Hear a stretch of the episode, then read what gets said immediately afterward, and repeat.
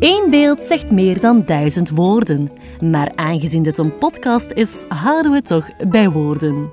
De inspiratie hiervoor ligt wel in de wonderenwereld van de beeldende kunst. Kunst spreekt, prikkelt, provoceert en doet ideeën, emoties of herinneringen ontspringen.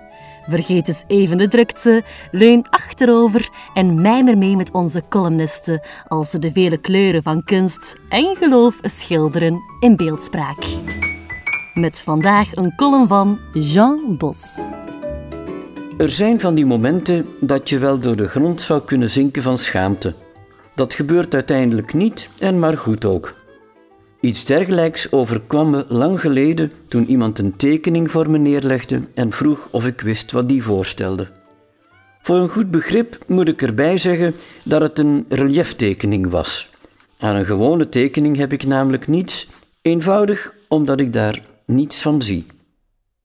Ik liet mijn vingers over het blad gaan en moest na enige tijd toegeven dat ik er geen flauw idee van had wat me voorgespiegeld werd. Maar dat is een huis, slimmeke. Ziet je dat niet? Ik zag het dus niet, omdat het me volstrekt onbekend was dat een huis op die manier getekend werd. Het was relief, maar de afbeelding stak niet meer dan een paar millimeter boven het papier uit. Zo laag is een huis doorgaans niet. De tekening was ongetwijfeld goed gemaakt, maar ik begreep er geen snars van. En je gelooft het of niet, maar later overkwam me nog eens hetzelfde. Toen was het een boom. Om hard weg te lopen, een boot te nemen naar een onbewoond eiland en te hopen dat je geen vrijdag tegen het lijf loopt. Als een boom overeind staat of neerligt op het groene gras, ziet die er gewoon anders uit dan zo'n kunstig vervaardigd relief.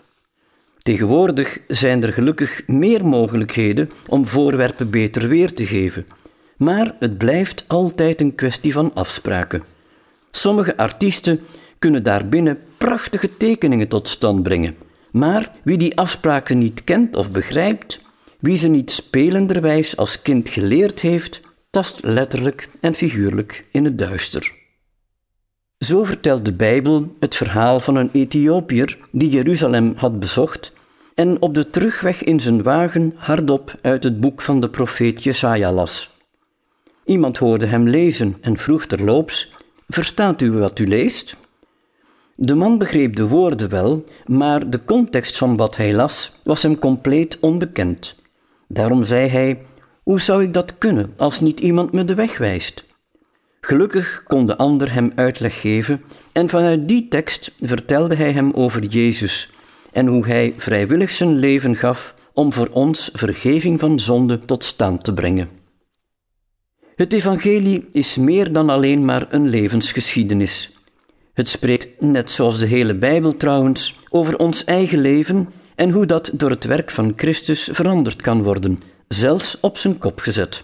Kijk eens naar de apostel Paulus, die door één ontmoeting met Jezus een vurige verdediger van het geloof werd, terwijl hij eerder een fanatieke tegenstander was.